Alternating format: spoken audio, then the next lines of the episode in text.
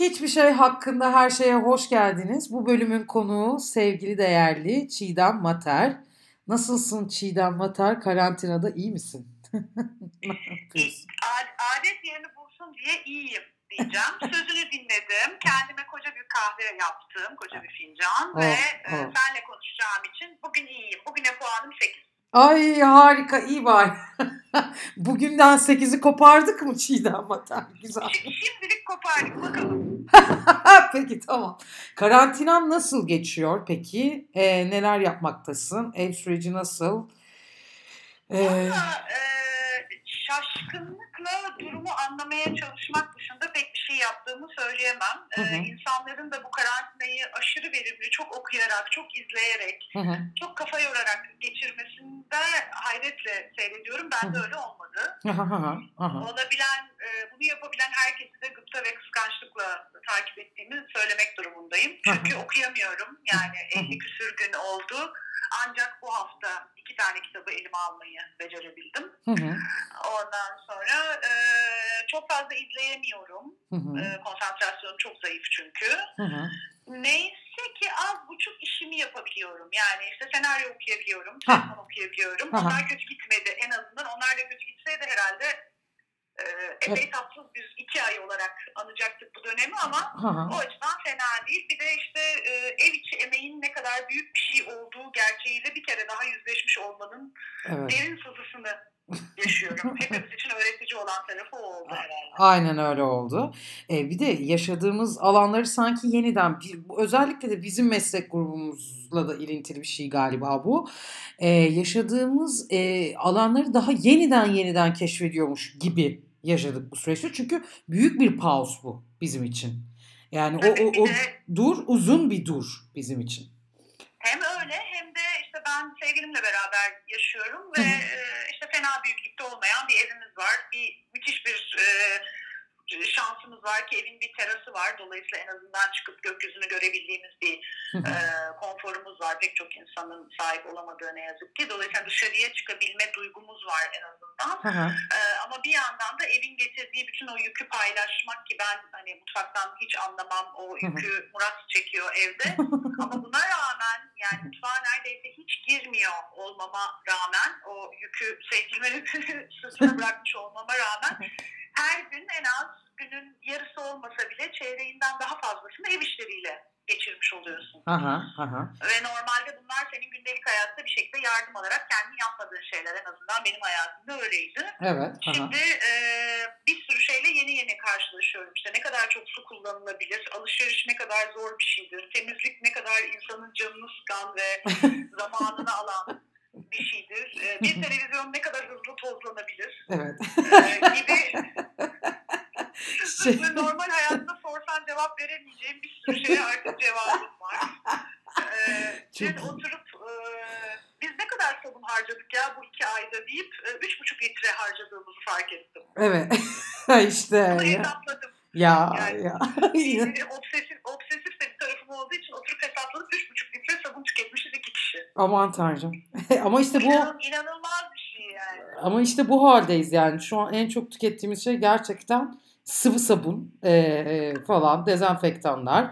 Peki bir şey merak ediyorum. Uyku düzeni nasıl? Mesela orada bir değişiklik Çok oldu kötü. mu? Ha evet. Felaket. Nedir durum? Felaket. Yani işte böyle akşam 8.30-9 gibi televizyon karşısına susup gece 3 gibi kalkıp cin gibi oturup Ha işte sabahlamaca sonra geç uyanmaca var. Sonra ben uyananlardanım normalde ama benim bile erken uyanmam bir tık ileri gitmiş oldu. 8.30'a kadar falan uyuyorum. Hı hı. Sonra yine gün yani bir sürü insanla konuştuğumda bir de sürekli telefonla konuşuyoruz ya bu dönemde. Evet, Benim evet. Normalde hayatta en sevmediğim şeydir telefonla konuşmak. Hı hı. Arandığımda açmam falan bununla meşhurumdur yani. Hı. Sürekli telefonla konuşuyoruz. Konuştuğum herkeste de duyduğum şey hemen hemen aynı. Hı hı. Yani uyku düzeni bir felaket ve e, gün içinde de zamanın nasıl geçtiğini anlayamama hali. Hı hı. E zaman mevhumu kayıp zaten hepimizde. Tabii kayıp ve bir şekilde de çat diye akşam oluyor. Evet. Ve ondan sonra tekrar aynı döngü. Ya bir delilik gibi aynı günü tekrar tekrar tekrar Evet. yaşamak gibi bir şeyin içerisine hapsolduk Çok gerçekten. tuhaf bir çok tuhaf bir loop'a girdik ve e, dün bir arkadaşımla konuşurken o söylüyordu. ya diyordu ben normalde akşam saat 6'da 7'de 8'de işten çıkana kadar o akşam ne yiyeceğimi düşünmem. Yani eve gelirsin ve hani ağzına bir şey atarsın. Bazen de atmazsın ya da dışarıda bir şey atıştırırsın falan. Şu anda mesela bizim evde de öyle oluyor. Sabah 11 gibi Murat'la birbirimize bakıp akşam ne yiyeceğiz diye soruyoruz. Bizim böyle gündemimiz yok elimizden yani. Hepimizin gündemi aynı merak etme. Evet, sürekli bir mutfak odaklı ve sürekli kendime alışveriş listeleri yaparken buluyorum. Ay evde şu da bitmiş, bu da bitmiş falan. Peki diye. şey yapıyor musun? Markete mi çıkıyorsun yoksa online olarak mı sipariş verenlerdensin? Ee, Ben online olarak sipariş veriyorum. Çünkü biz Kurtuluş'ta oturuyoruz ve Kurtuluş'ta hayat neredeyse hiç durmadı. Yani Ha. e, bütün herkes sokakta. O Ha. yüzden onun bir endişe verici bir tarafı var. O yüzden e, ben bu geçtiğimiz 60 günde toplam herhalde 3-4 kere falan sokağa çıktım. Anladım. Onun dışında hiç çıkmıyorum. Ee, bir yandan da şeyin müthiş bir konforu var tabii yani. Hani orta sınıfın ve üst orta sınıfın sokağa çıkmadan hayatını devam ettirebileceği ancak daha alt sınıfların mecburen sokağa çıktığı Çıktı, ve evet. müthiş bir eşitsizlik var yani. Evet muazzam İnan, bir inanılmaz bir eşitsizlikle karşı karşıyayız tabii ki. Bazıları çıkamak zor, yani bazı insanlar çıkmak zorunda olduğu için kuryeler, işte kargo şirketleri, biz Evet. evde kalma lüksümüzü kullanıyoruz aslında. Ben Aynen. de o O da biraz acımasız duruyor. Evet aynen öyle. Hiç o... çok çok can sıkıcı. Evet o çok da can sıkıcı. Ya her türlü bir e, garip bir adaletsizliğin içerisindeyiz bence şu an zaten o süreçte. Evet, bir de, Orası- bir de baştan itibaren bu e, efsane vaziyeti şey yapılan işte insanlık ilk defa eşitlendi. İngiltere pre- prensi de korona oluyor, yoksul işte korona oluyor'nun ne kadar büyük bir yalan olduğunu. Bugün e, ge- geçtiğimiz günlerde Pınar Öğünç bence gazete duvarda bu dönemin yapılabilecek en iyi gazetecilik işini yapıyor. Pandemi dönemindeki çalışan sınıflarla yaptığı röportajlarla o söylüyor. Yani bu aslında eşitlendik şeyi koca bir yalan. Aha, Hiç eşitlenmedik tabii ki. Yani evde oturma lüksü olanlar ve olmayanlar olarak dev bir ayrım var şu anda. evet yine bir eşitsizliğin ortasındayız. Bir şey değişmedi. Aynen. Fena halde ortasındayız. e, olan e, kayıplara e, dışarıda çalışmak zorunda olan bu lüksten yararlanamayan insanlara da olmuş oldu aynı zamanda. E, şimdi benim şöyle sorularım var Çiğdem Mater'e merak ettiğim meseleler şunlar. E, Buyurun. sinemanın sinemanın gidişatını nasıl görüyorsunuz? Nasıl bir durum bizi bekliyor? Bu süreç bittikten sonra peyder insanlar dışarıya çıkmaya başladıktan sonra seyircinin sinemayla kavuşma süreci, efendim gerek gerek işlerin e, toparlanma süreci, ekiplerin kurulması, tamam devam eden diziler var, setlere vesaire ama nasıl bir değişiklik bekliyor bizi? Neler olacak sizce? Sizin tahmininiz nedir bu yönde? Ya bütün bunları okumak için henüz çok erken olduğunu düşünüyorum. Okuyabilen zekalara da saygımı sunaraktan. Hı hı. Ee, ama birkaç tane araştırma var. Bunlardan bir tanesi İstanbul'da yapıldı. Ee, bir tanesi Amerika'da sektöre dair e, büyük bir firmanın yaptırdığı bir kamuoyu yoklaması. İlk önce Amerika'daki çıktı. Aslında Amerikan lockdown'unun henüz başlamadığı bir dönemde yapılmıştı ama yine de bir veri olduğunu düşünüyorum. Hı hı. Ee, deneklere yaklaşık e, sanırım 100 tane falan mekan sayıyorlar ve bunlardan hangisine hangi sırayla gidersiniz bu iş bittikten sonra diyorlar. Hı. Ama bunun içinde işte lokanta da var, oyun parkı da var, okul da var, şu da var, bu da var derken konser salonları, sinemalar ve tiyatrolar da var. Hı hı. Sinema, tiyatro ve konser salonu bu listenin en altında. Yani bu li- listeye, bu deneye katılan, e, bu kamuoyu araştırmasına katılan insanların e, en altta, en son gideriz dedikleri yerler konser, sinema ve tiyatro salonları. Hı hı. Evet. Ee, Bunun bir veri olduğu varsayımındayım ben de. Ee, Hı hı. iki hafta önce de Türkiye'de bir araştırma yapıldı. Küçük bir araştırma, 570 kişiyle yapılmış bir araştırmayı doğru hatırlıyorsam. Hı hı. Ama şöyle bir belirleyici tarafı vardı. Geçtiğimiz yıl içinde en az 4 ya da daha çok kültürel etkinliğe gitmiş insanlarla yapılmış araştırma. Hı hı. Hı.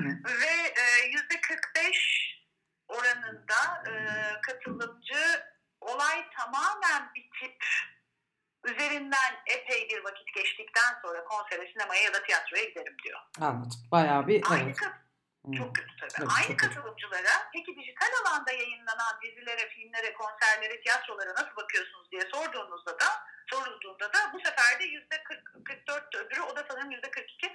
Yüzde 42 de diyor ki yok ya aynı tadı vermiyor. Şimdi bu yüzde 42 ile 44 aynı insanlar değilse de biz de taş mı yiyelim gibi bir durum var. hani Hayda. sinemaya gelmeyeceğim ama dijitalde de izlemek istemiyorsun. Bize mi gelip oynayalım ne yapalım e, herkes şu an borderline oldu galiba bir anda. Olacak iş değil. Bizde, bizde iki tür mesele var tabii. Bir elimizde bitmiş filmlerimiz var. Biz bu filmleri Evet, evet, evet. Bunu Yani, da soracağım. Merak e, ettiğim şey. Festival takvimi, yani festival takvimi aslında Cannes Film Festivali'nin ben yapmıyorum deyip, önce ben yapıyorum deyip, ondan sonra ertelemiyorum deyip, ondan sonra ya erteleyeceğim galiba ama belki sonbaharda yaparım demesiyle beraber çünkü Cannes sonuçta bizim sektörümüzün endüstriyel anlamda en önemli yeri. Evet, O bunu söyleyince Cannes'ın devamında gelen bütün festivallerin takvimi mahvoldu. tabii ki.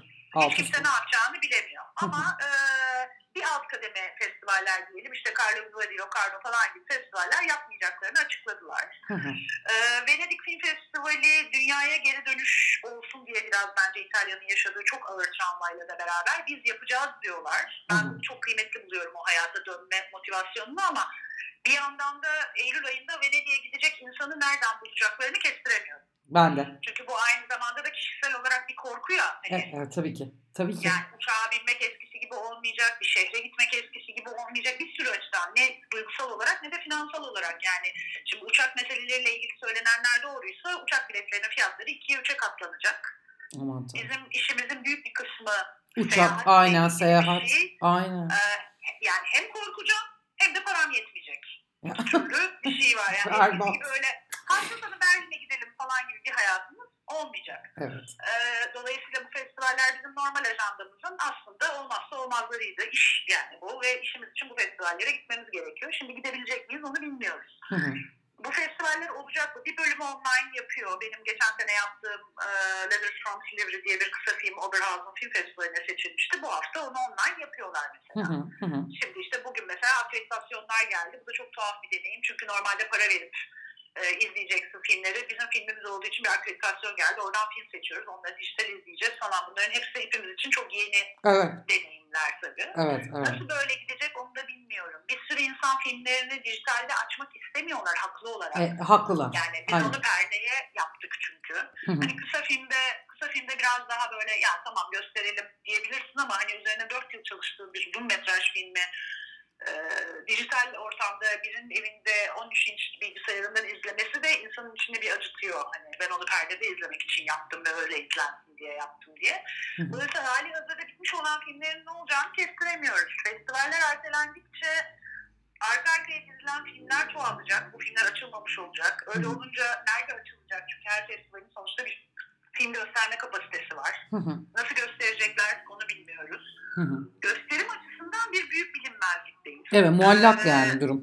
Çok aşırı aşırı muallak hakikaten. Ee, çekimlere gelince e, yani Art House sinemanın ben Türkiye'de 2021 Ocağından Şubat'ından önce sete çıkabileceğini düşünmüyorum Hı, açıkçası. ben de sana zaten çekim takvimini soracaktım. Yani atıyorum bir, Benim- bir proje varsa elinde yapmak istediğin en erken ne zaman çıkmak istiyorsun sete diye soracaktım. Vallahi Nedir o tarih? iyi, yani çok ılımlı, çok naif ve evet ya yaparız, bu riski de alırız dediğimizde bile ben Ocak, Şubat 2021 öncesini çok mümkün göremiyorum. Ee, ana akım sinemanın ve e, Netflix, Amazon, e, Blue TV gibi yerlerin biraz daha erken sete çıkmaya cesaret edebileceklerini düşünüyorum. Hı hı. Ama geçtiğimiz iki haftada dünyanın her yerinden e, çekim rehberleri gelmeye başladı. Hı hı. İşte İngiltere bir tane yaptı, Amerika'da e, Lionsgate'inkini biraz önce gördüm. Hı hı. İskandinavya'da bir tane var. Şimdi bu çekim rehberlerinde korona ile beraber Türkiye'de BKM epey detaylı bir şey yapmış. Hı hı. Korona ile beraber çıkan bu çekim rehberlerine e, Art House sinemanın uyması finansal olarak çok mümkün değil. Evet, evet, Öte elbette. yandan ben ana akımın da uymasının çok mümkün olduğunu düşünmüyorum. Hı.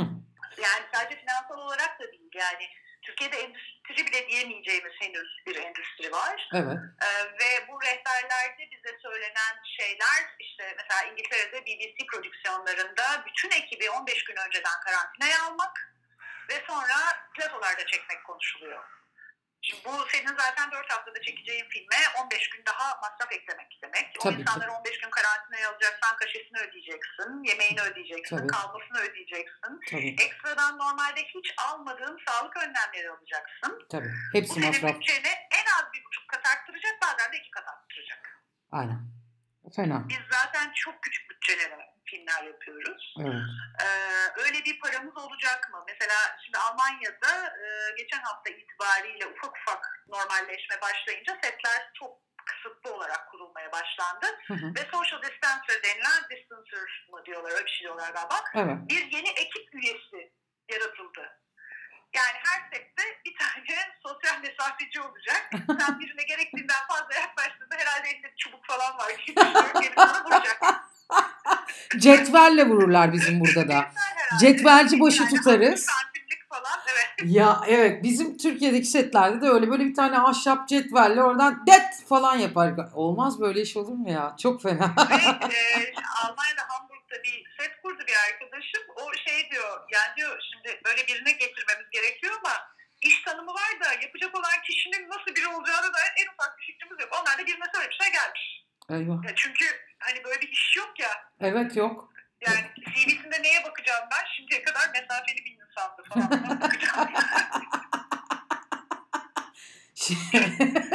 Şimdiye kadar ne kadar mesafeliydi hayatı boyunca evet. Onun üzerinden Yani- puanlama yapıp set alacaksınız. Evet, ob- obsesif birilerini arıyoruz setlere falan diye. Ee, bir yandan da işte şeyler konuşuluyor. Yani makyözler ne yapacak? Evet. Şefleri, kostüm asistanları Evet. ne yapacak? Ee, BKM'nin sanırım guideline'ında gördüm ve çok hoşuma gitti. Hani Ne yapmışlar Çiğdem? Çok detaylı bir guideline. Umarım buna Türkiye'de ana akım uyabilir. Biz zaten set kuramayacağımız için bizim hayal etmemiz gerekmiyor da. Ee, yani orada mesela şöyle bir şey vardı. Sanırım orada gördüm. Ee, makyözler ve kostüm ekipleri full koruna koruma e, şey tulumlarıyla Ha. ve siperlikle ve maskeyle. Şimdi bunlar çok önemli şeyler ama şunları hesaplamamız gerekiyor. O kos, o şeyler koruma tulumları 110 lira falan. Evet, Ee, evet. ve belirli bir saatte değişmesi gerekiyor. Maskeler N95 olacaksa 40 liraya 45 liraya çıkmış vaziyette 3 saatte bir değiştirmen gerekiyor. 12 saatlik set kuruyorsun. Günde 4 tane maske, 2 tane tulum, işte siperlik falan derken çok ciddi masraflardan söz ediyoruz. Evet. Tabii bunu bir de kaç hafta sürecek bir işten bahsediyoruz biz yani. Bir de öyle iki günlük biz reklam çekmiyoruz ki veya film ya da dizi ise hele eyvah yani. Hani Bir de şöyle şeyler de var yani maddi tarafını çözdük diyelim. Yani tepeden bir böyle sihirli değnek geldi ve birisi benim önüme parayı koydu hadi çek dedi. Ee, o sette herhangi birinin enfekte olması halindeki vicdani sorumluluk da kolay bir şey değil. Asla. Ne yapacağız? Asla. Asla. Zaten de- yüzden devam etme olanağın da yine tıkanıyor. Birinin enfekte olması halinde o kurduğun setin de e, gittiğin noktada durma ihtimali ve artık devam etmeme şey de bir de bu, bu da var yani. E tabii çünkü herkes karantinaya alman gerekiyor. E, tabii. Şimdi ana akımda bu iş bir tık daha kolay olabilir. Hani hızlıca yeni bir ekip kurabilirsin falan ama bizim yaptığımız filmlerde benim o yeni ekibi bir daha kurmam hem finansal olarak imkansız hem de atıyorum oyuncuyu ne yapacağım? E tabii. Ed Wood'a dönecek yani. Başka bir oyuncuyla devam edeceğim falan. Çok Tokadı yedik diyorsun yani Çiğdemciğim. Koca tokadı yedik biz Ama ya. pek, pek parlak görünmüyor durum ama e, bir yandan da şey diye düşünüyorum. E, finansal olarak tabii yani yapımcı, yönetmen, oyuncu tarafını bir tarafa bırakırsak eğer e, teknik ekipler için ve yaratıcı ekipler için müthiş bir ekonomik darboğazdan söz ediyoruz ve bununla nasıl başa çıkacağımıza dair en ufak bir fikrimiz yok. Evet. Yani bu insanlar zaten freelance çalışıyor, zaten sosyal güvence ve sadece çalıştıkları sürece var, SGK'ları ödenmiyor normalde. Hı hı. Bu insanlar şu anda işsizler ve hani işte biliyorsun sektörü cebine işte atıyorum 3 ay çalışıyorsun bir para koyuyorsun 2 aylık bir vaktin oluyor ondan sonra tekrar yeni bir iş geliyor. Şimdi o yeni Aynen. işin ne zaman geleceğini öngöremediğin sürece ne Açıktasın. yapacaksın? Aynen. Açıktasın yani. Açıktasın. Ve hani, Ha, Ve yani eve e, kesinlikle ekmek getiremiyorsun. Oturuyorsun poponun üstüne. Böyle bir durum yani. bir de Çok- şey de değil hiçbirimiz başka bir iş yapmayı da bilmiyoruz. Ne iş yapacağız? Tabii. Ya bir öyle bir ustalık derecemiz de yok. Kendi mesleklerimizin Evet. erbaplarıyız yani. Mevzu bu kadar basit. Yani e, durum çok parlak görünmüyor. Evet çok parlak görünmüyor. Zaten bir de şu var senin dediğin gibi o 2021'deki toparlanma sürecinden sonra da hadi diyelim e, festivaller ve katılımlar bağımsız sinema için bir şekilde devam ederken burada da e, salona gitme fikri veya bir konsere gitme fikri veyahut bir tiyatroya gitme fikrinin önü bence uzun bir süre kapalı olacak. Yani e, insanlar o kadar çok travmatize oldular ki ben sanmıyorum ki her şey de bittiğinde bunlar koşa oynaya bu insanlar ben dahil. E, Ben de öyle başladım soruya zaten. Önce kendime sordum. Ne zaman sinemaya gidebilirim? Aynen. Bu çok kritik bir soru bence. Aynen. Yani bunu geçenlerde festival yapan bir arkadaşımla konuşurken şöyle hissettim. Ya sinemaya gittik diyelim. iki saat bir yerde kapalıyız anlamına geliyor. Birisi öksürse ne yapacağım? Aynen. Aynen. Ya bu çok çok Psikolojik tehlikeli. olarak buna hiç hazır değiliz. Aynen. Ve yani her şeyin durmasına rağmen bence bu bayağı devam edecek. Ben zaten şundan çok korkuyorum. Yani e, beni endişelendiren en büyük şey şu. E, evet kayıplar yaşandı. e, şunlar oldu, bunlar oldu. Bir sürü şeyle uğraşıyoruz ama bütün bu olay bittikten sonraki o mental darbe nasıl düzelecek? Ben oradayım. Yani çünkü asla eskisi gibi olmayacak. Yani o o o süreç nasıl iyileştirilecek? Çok uzun bir zaman demek bu çünkü. Yani de o duygu var mı ben bilmiyorum ama bende şöyle bir duygu var. Bu tarz felaketler, böyle bir felaketin içinden daha önce geçmedik tabii ama bu tarz felaketlerin içinden geçerken insan onun o anın yarattığı adrenalinle neyin içinden geçtiğini çok da fark etmiyor. evet, evet, evet. Ee, o yüzden ben biraz e, hayranlıkla biraz da ironiyle bakıyorum. Bu durumu anlamaya çalışıp büyük büyük yorumlar yapan çoğunluğu erkek olan abilerimize ve sayıda ablalarımıza. Ee. Yani ne yaşadığımızı henüz anlamadık ki bunun bir analizini yapalım ve bundan sonra ne olduğunu anlayalım. Muhtemelen bu tehlike bu aşamada değil. Artık biraz daha sokağa çıkmaya başlayabildiğimizde, biraz geçtiğinde bu tehlike biraz oturup kendimize bakıp düşünme fırsatımız olacak. Aynen öyle. Şu an sürecin içindeyken sadece zaten afaki tahminlerimizi ancak konuşabilir haldeyiz. Ama insan tabii şunu merak ediyor. Yani çok net bir sonuca asla varamasak da ne olacak acaba sorusu kafamda her zaman bir dolanıyor sürecin içerisindeyken de tabii ki. Tabii tabii işte ben mesela üç gündür şey düşünüyorum. Bu yeni normal üzerinden gidiyor ya bütün tartışma. Yeni bir normalimiz olacak. Evet. Yani eski, eski normalimize de bayılmıyorduk zaten. Dolayısıyla yeni normal iyi bir şans olabilir ama hani o yeni normalin kuralları, kaideleri nasıl olacak? Yani şimdi çünkü bütün bunları düşünürken ben aynı zamanda da mesela işte akşam çorba mı yapsak falan diye de düşündüğüm bir hayatın içinde buldum kendimi. Normalde bunları düşünmezken yeni normalin bir parçası da bu bir yandan. Evet. Ama bir yandan da işte 50 gündür, 50 küsur gündür evden çıkmıyorum. Çarşamba günü bir cesaret çıkıyorum ben ya değil. Çıktım çıkarken de kendi kendime ruj süreceğim dedim. Çok güzel. Ruj sürdüm. Sonra maske taktım. Şimdi benim maske takmak diye bir deneyimim yok ki daha önceden. Evet.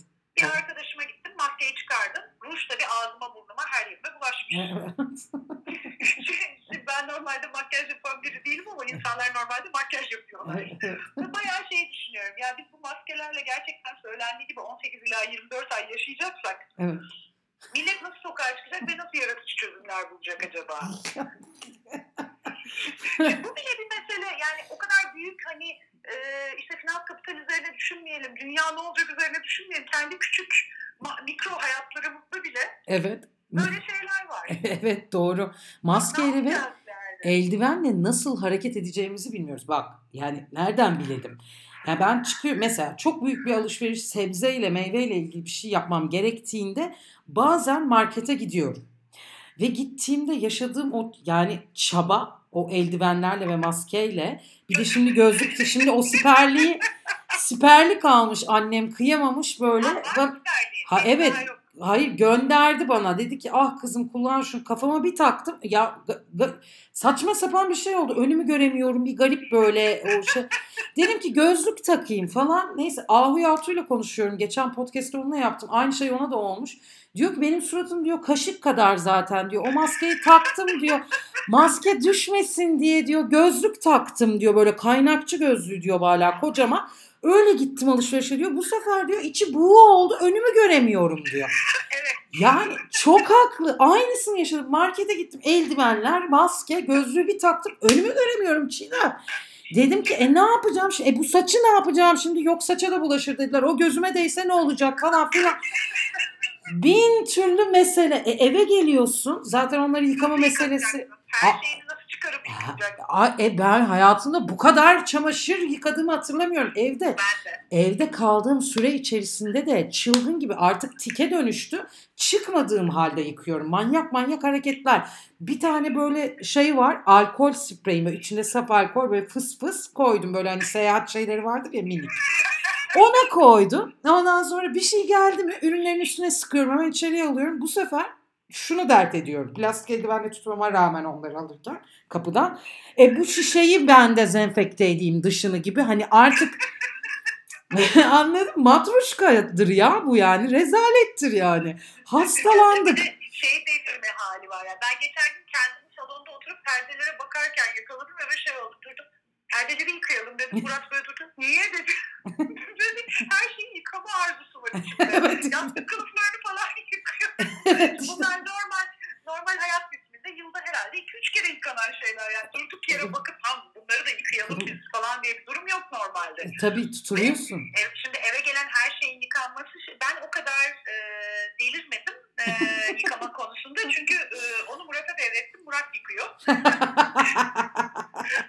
en, en son iki tane çikolata paketini onun elinden zor kaptım yıkama onları artık diye çünkü bayağı böyle e, şeyle sabunla falan. köpürte köpürte her yıkıyor değil mi? Tabii. Tabii tabii. Tabii. İşte. Kedi, kedi mamaları falan her şey bizde öyle yıkanıyor. Evet. Ee, babam e, görüntülü arama yapmayı yeni öğrendi. Onlar 65'ten büyükler annem de babam da ve Evet. 20 Mart'tan beri evdeler. Ee, babam geçenlerde beni böyle annemden kendince gizlice arıyor ama annemi görüyorum. Ben mutfakta bir şey yıkıyor. Babam sessizce şey diyor. Koronadan bir şey olmayacak ama zehirleneceğiz galiba. Niye? Niye dedim? Çünkü ıspanakları sabunlu suyla yıkıyormuş anne. Ya çok fena bilmiyorum. Bende de her şey kolonya falan kokuyor ya. Alkol falan. Dizide de. Ay çok fena. Her yer limon kolonyası kokuyor. Tatlım bütün o kaplar, kaçaklar şeylerin üstüne bir ton limon kolonyası.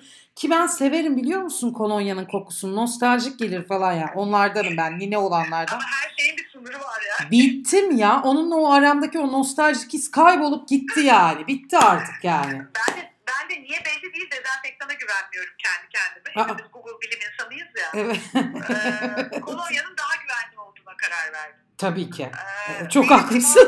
limon- benim limon kolonyası alerjim var. Dolayısıyla böyle internetten bulabildiğim limon içermeyen her türlü kolonyayı sipariş ettim. Evde saçma sapan kolonyalar var. Evet. Sokağa çıkarken de o küçük küçük spreyler bunlar. Çantamı onunla çıkıyorum. Tabii. Evden çıkıyorum. Çıktığım anda her yerimi kolonyalıyorum. Tabii. Çünkü apartmanda düğmeye bastım bir şey yaptım. Bu arada da işte asansörde kolonyalıyorum. Asansörün kapısını da kolonyalıyorum. Tabii ki. Tabii ki. Bir dükkana, dükkana giriyorum, dükkandan çıkıyorum. Geçen gün öyle oldu. Manava girdim, manavdan çıktım. Manavın önünde elime kolonya sıkarken içerideki çalışan kızla göz göze geldim ve birden çok utandım. Çünkü şey gibi hissettim. Size koronalı muamelesi yapıyorum, elimi temizliyorum. Bir de oradaki suçluluk suçluluk duygularıyla baş etmeler. O biçim. Korkunç sınıf laneti bu. Böyle bir sürekli şey. Yani hayır aslında kastım o değil ama falan diye böyle ne yapacağını bilemez hal yani. Ne kadar o kolonyayla yaşayacağız, ne kadar her yerimizi dezenfekte edeceğiz. Arada ters ters kediye bakıyorum. Temiz mi bu acaba? Ben de. Benim de iki tane kedim var böyle o patileri siliyorum falan arada. Ya böyle acaba? evet onlar geçiyor aklımdan ama yapamadım daha ama böyle patileri hafif suyla böyle şeyle böyle kandırıkçı bir temizliyorum falan arada. İç, içim rahat etsin diye. Yani o kadar iyi anlıyorum ki seni o kapıları kolonyalamaları, anahtarları spreylemeler, efendim kapı di- şey anahtar deliklerini temizlemeler falan. Ya ben gitmiş haldeyim Çiğdem. Arkamdan ağlayanım yok. Bak o kadar gitmiş haldeyim yani. Hiç iyi değil durum. Ama yani işte bütün bunların yani şu andaki bu delilik hali gülüyoruz, eğleniyoruz falan filan da kalıcı olacaksa battık. Evet işte oradayım ben de. Nasıl olacak diye. Yani çünkü mesela bunu şimdi ben bir set ortamına uyarlamaya çalışıyorum. Kafayı yerim. Tabii ki. Bü- büyük hastalanırsın proje boyunca. O net. Yani bir de şimdi yapımcı tarafında olduğunda da şöyle bir şey oluyor. Allah'ım 50 kişilik set kuracağım. Hepsinin sorumluluğu bende. Evet. Otururum evimde çekmem filmi. Atomu parçalamıyoruz sonuçta yani. E, tabii ki. Çekmeyin yeriyim yani. Aynen öyle. İşte o Yani aşısını mı buluş, buluyorlar, ilacını mı buluyorlar, neyini buluyorlarsa bulsunlar. Ondan sonra yaparız. evet. Ben de aynı düşüncedeyim. Aslında mainstream şey için de aynı şeyi düşünüyorum ama bu kadar tehlikeye attı, atmanın ne gibi bir karlı geri dönüşü olabilir? Zaten onca masraf yapıyorsun.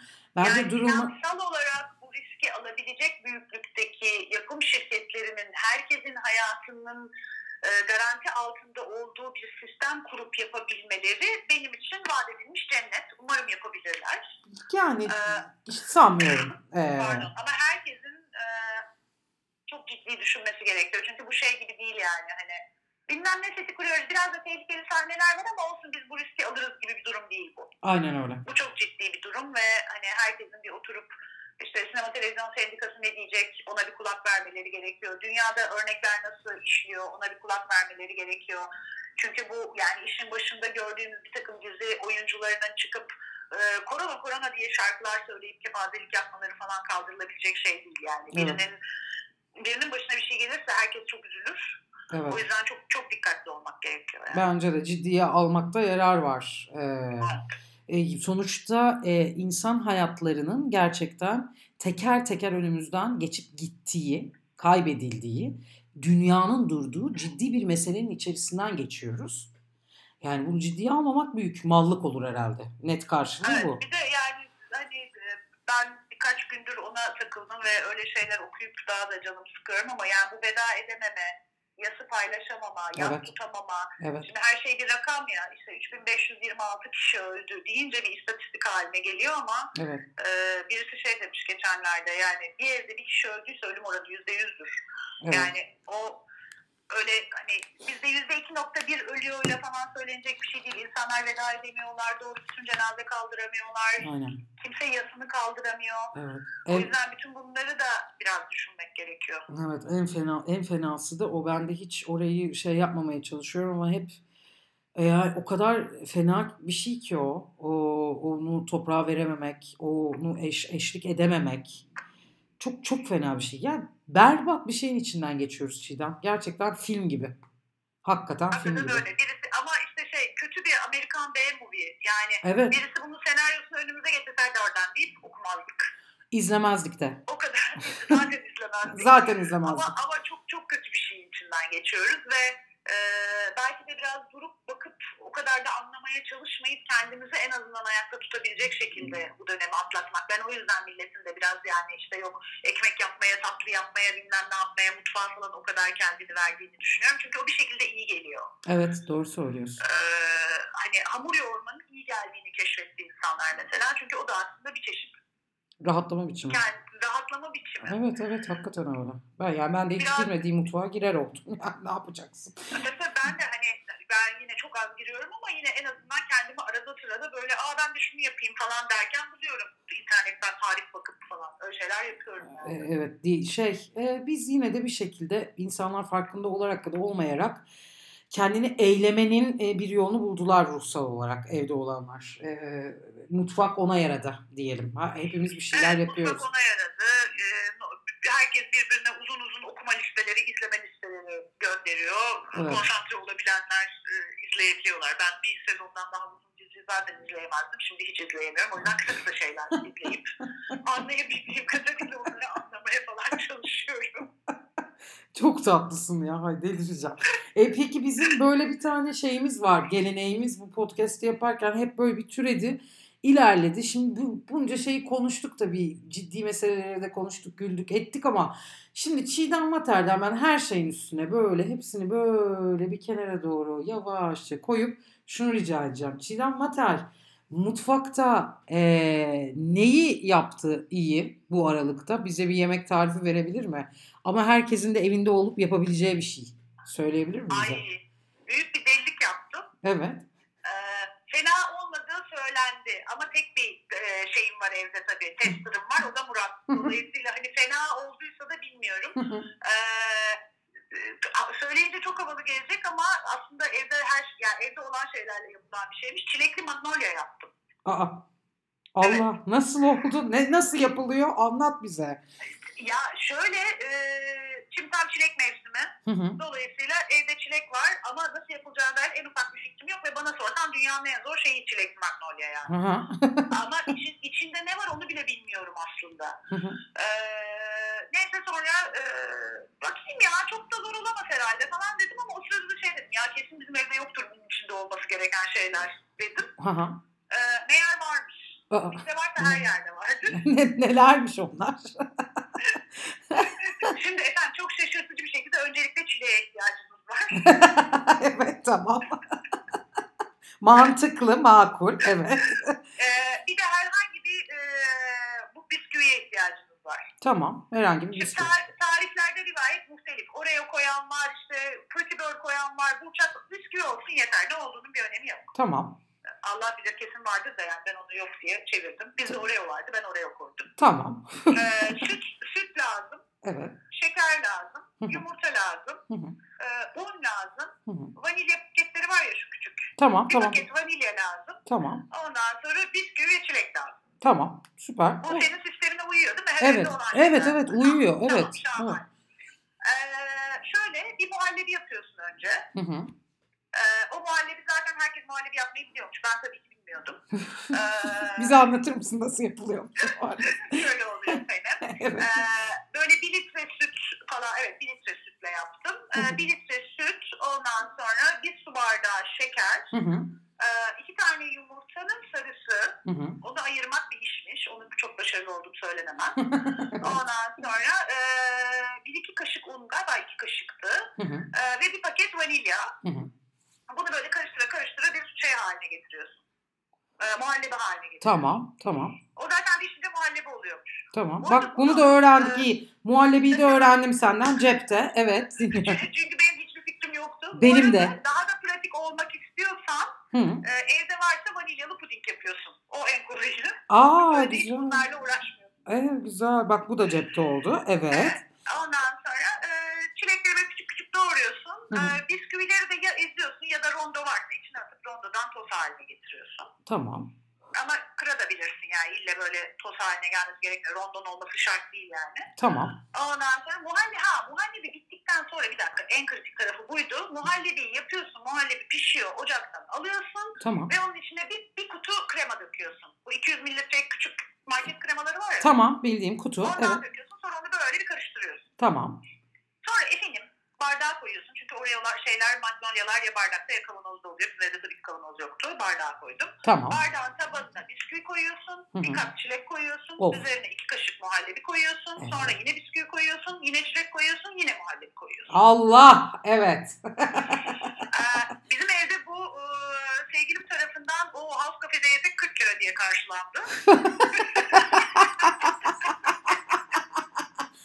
Ya sen neler yapıyorsun Çiğdem evde? Ama işte bir tek bu bu kadar. Yapınca da bunu yaptım. Ya bak nasıl 12'den de vurmuşsun ha. Aslında pahalı bir tatlı yapmışsın sen.